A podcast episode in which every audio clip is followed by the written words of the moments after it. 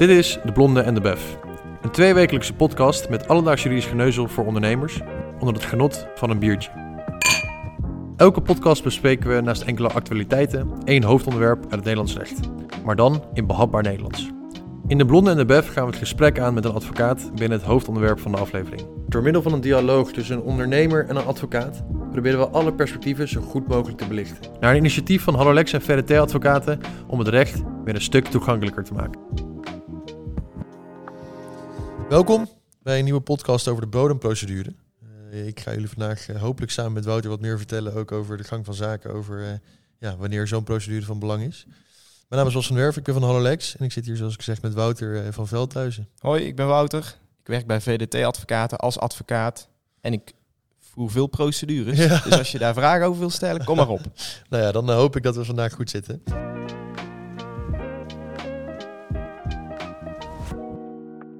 Um, Wouter, ik zei net al eventjes tegen je. Um, uh, je hoort heel vaak van advocaten dat ik naar de rechtbank moet, dus ze moeten procederen, bla bla bla. Ja. Is dit dan, zeg maar, zo'n bodemprocedure, is dit dan, even dus haakjes, de procedure die ze dan voeren? Ja, de bodemprocedure kun je zien als de, de meest standaard procedure die er is. Er zijn allerlei uh, verschillende varianten van, maar de bodemprocedure is eigenlijk de meest standaard vorm. Ja.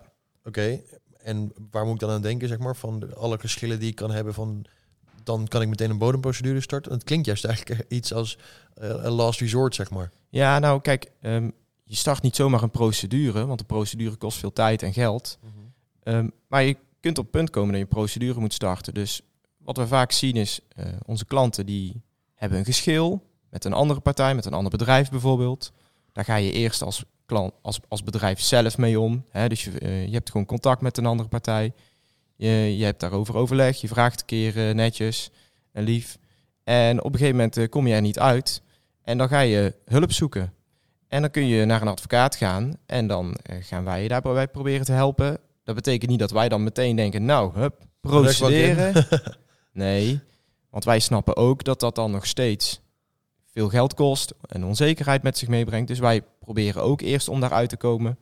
Maar als je het idee hebt dat je daar niet uitkomt zonder de hulp van een rechter, ja, dan moet je op een gegeven moment wel een procedure gaan starten. Oké, dus stel dat ik een geschil heb met een, met een bedrijf, um, of ik heb een groot argument of uh, weet ik veel. Uh...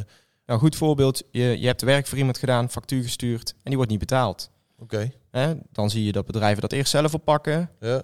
Debiteuradministratie. Ja, op een gegeven moment kom je daar niet uit. Sturen wij eerst nog eens een keer een brief.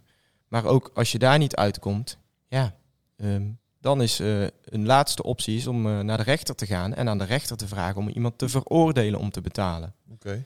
En het mooie is dan, als je die procedure helemaal hebt doorlopen, ik zal zo even vertellen hoe dat ongeveer gaat, maar als je die procedure hebt doorlopen, dan krijg je een vonnis. Ja, als je de procedure wint. En in dat vonnis staat dat iemand veroordeeld is om te betalen. En met dat vonnis kun je bijvoorbeeld beslag leggen. En dan kun je dus echt iemand dwingen om te betalen. Ja, ja, juist. Precies. Dus als lief vragen geen zin meer heeft, als iemand niet wil betalen, dan kun je met een vonnis meer. Oké. En dat kan natuurlijk ook alleen maar door een advocaat gestart worden natuurlijk.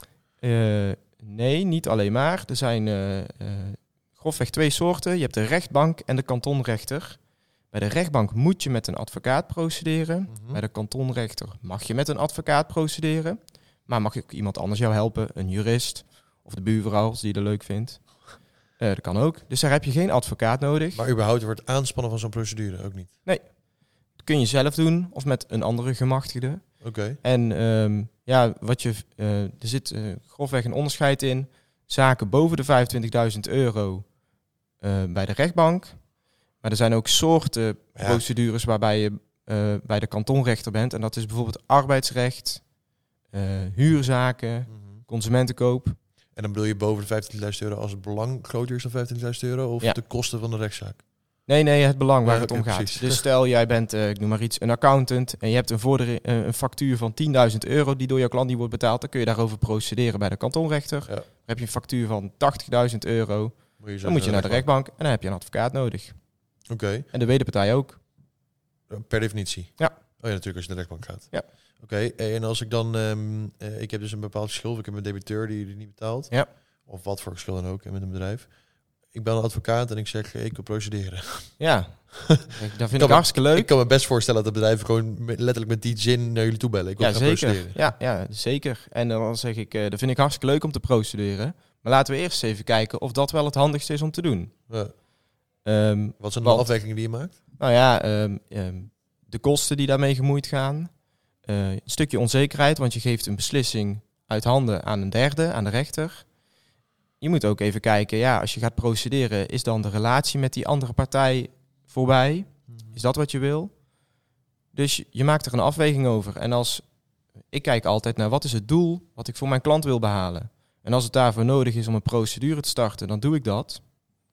En als dat op een andere manier kan, en als die andere manier beter is, ja, dan doen we dat. Als, als, als het nog zin heeft dat ik nog een brief stuur, of nog lief vraag, of er 80 keer achteraan bel aan de telefoon, als dat handiger is, dan Ja. doe ik dat. Dus ik ga niet zomaar procederen. Oké. Maar goed, stel dat jij zegt van nou, hey, zo'n mail heeft geen zin meer, of een andere ingebrekenstelling of wat dan ook heeft Ja. allemaal geen zin meer. Eh, dan schrijf je denk ik een dagvaarding, daar begin je Ja, mee. ja, en je hebt, soms heb je best wel snel door dat het allemaal geen zin meer heeft. Dan hoef je er ook niet nog honderd keer achteraan te gaan. Je hebt wel eens dat er aan de andere kant een partij zit die gewoon eh, een beetje verstoppertje speelt, om het zo maar te zeggen. Ja, dan heeft dat gewoon geen zin meer om nog eh, tien brieven te sturen. En dan gaan we inderdaad door. En dan begint zo'n procedure door een dagvaarding te schrijven. Dat doet de advocaat. En een dagvaarding is een processtuk waarin je opschrijft eh, wie de eisende partij is, wie de gedaagde partij is, wat er aan de hand is feitelijk, wat er juridisch aan de hand is. Hè, dat is het werk van de advocaat om daar dan een juridisch label op te plakken. En wat dat voor gevolgen heeft. En wat je dus van de rechter vraagt. Bijvoorbeeld betaling van een factuur van 80.000 euro plus rente, incassokosten en noem het maar op. Dat is dus eh, de dagvaarding. Die wordt door een deurwaarder betekend aan de debiteur in dit Op geval. het moment dat in, in zo'n geval van een debiteur dus. Ja, ja. Ja. Dus dan eh, schakel je een deurwaarder in. Die eh, gaat bij die debiteur langs en die betekent dat. Die dagvaarding komt terug hier bij ons op kantoor. En wij sturen die betekende dagvaarding naar de rechtbank. En dan weet de rechtbank, oké, er is een partij die een procedure wil starten tegen deze debiteur. En dan heeft die debiteur de kans om zich bij de rechtbank te melden om verweer te voeren. Kan ook zijn dat hij dat niet doet. Misschien eh, heeft hij er geen zin in, heeft hij er geen geld voor. Of denkt hij, eh, heeft toch geen zin, want eh, ik kan er niks tegen inbrengen. Dat kan, dan heb je heel snel een vonnis. Maar als hij wel weer eh, zich meldt en verweer gaat voeren, dan krijgt hij daar weer een termijn voor. Kan die debiteur zelf een processtuk indienen. En meest- stapt die debiteur naar, de- naar een advocaat toe en zegt hij, goh, ga Ja. maar een, een tegen of een verweer opstellen ja, of zoiets. verweerschrift, inderdaad. En wat je vaak daarna ziet, is dat er dan een mondelinge behandeling volgt. Dus die rechter heeft van allebei de partijen een schriftelijk processtuk gekregen. Twee kanten van het verhaal gezien. En dan gaan we met z'n allen naar de rechtbank en gaan we het daar eens over hebben. En normaliter zeg je dat dan, noem je dat een soort van zitting toch? Gewoon een, een, een Ja, een mondelinge behandeling, een Precies. comparitie. juist. Ja. Dat is, een, is dat specifiek van voor de bodembestuurder dat het zo wordt genoemd? Ja, het is een mondelinge behandeling en ehm, eh, dat is niet zo formeel als mensen denken. Het is redelijk informeel. Die rechter zit daar met een griffier. En een griffier is iemand die, eh, die, eh, die opschrijft wat er gebeurt en die daarna, dat daarna uitwerkt.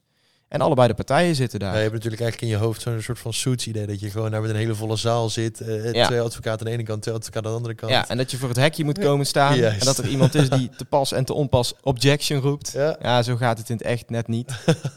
dus dat is redelijk informeel. Die rechter die heeft stukken gezien, maar die heeft misschien ook nog allerlei vragen. En die gaat die stellen aan, eh, aan de partijen die daar zitten. En die rechter gaat ook nog eens kijken, jongens, kunnen jullie er niet alsnog uitkomen? Dus dan word je de gang opgestuurd. En dan gaat de rechter vragen of jullie niet toch nog een schikking kunnen bereiken. Soms kan dat, soms kan dat niet. En als het niet kan, dan volgt er een vonnis. Maar dat zou eventueel natuurlijk daarvoor ook al kunnen. Ja, tuurlijk. Want heb jij dan ook al contact met de advocaat van de wederpartij vaak? Ja, ehm, vaak ga je van tevoren nog een keertje kijken of er een schikking kan worden bereikt. Want je weet dat dat bij zo'n zitting toch ter sprake komt. En dan kun je een ritje naar de rechtbank besparen. Soms doe je dat niet als je bijvoorbeeld het idee heeft, hebt, ja, dit gaat toch eh, nooit tot een schikking leiden. Partijen staan lijnrecht tegenover elkaar en daar moet gewoon een rechter wat van vinden. Dus dat gebeurt niet altijd, maar vaak wel. Want het is, over het algemeen is het voor alle partijen beter dat er een schikking komt Ja, dan dat er een vonnis komt. Ja, scheelt tijd en geld. Ja.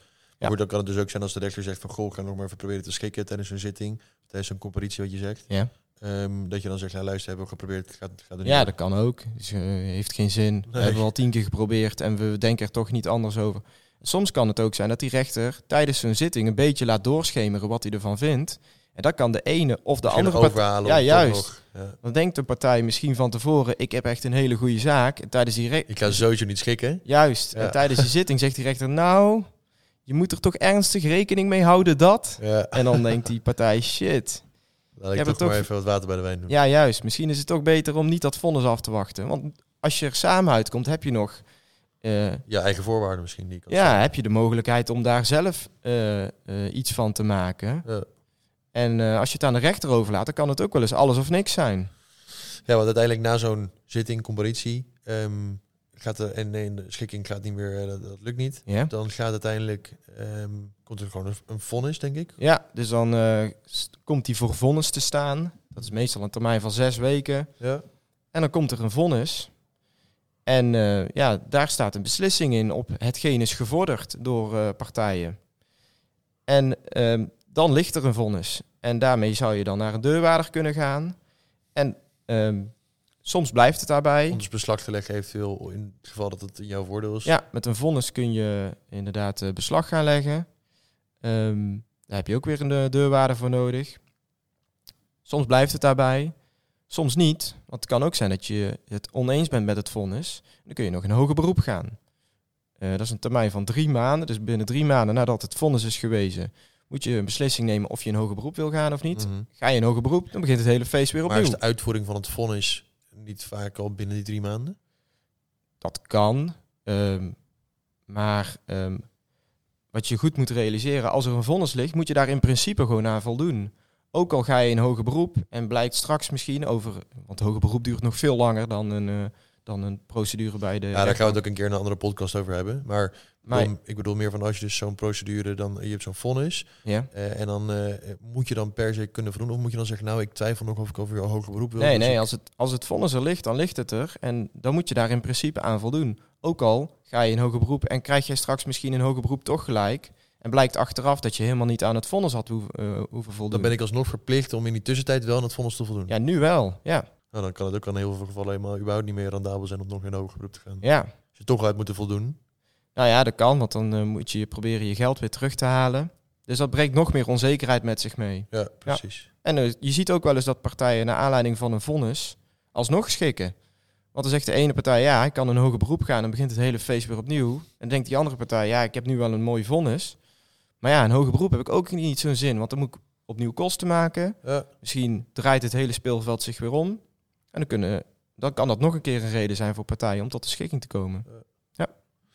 duidelijk. Ik denk dat in ieder geval de, de hele procedure met betrekking tot de bodemprocedure of gewoon eh, de algemene procedure, dat we die redelijk eh, besproken hebben. Ja. Alle stappen daarin. Ik denk dat het goed is om volgende keer eh, nog een keer over het kort geding te hebben en een vorm van de procedure. Ja, ook een En over- procedure. Precies. En over echt het hoger beroep zelf. Ja. Hoe dat in zijn werk gaat en bij wat voor rechter je dan komt, et cetera. Ja. Maar eh, thanks in ieder geval voor nu. Graag Eh, gedaan. voor mij is het in ieder geval een stuk duidelijker en ik hoop voor alle luisteraars ook. Top. Dus eh, hartstikke leuk. Dankjewel. Graag gedaan.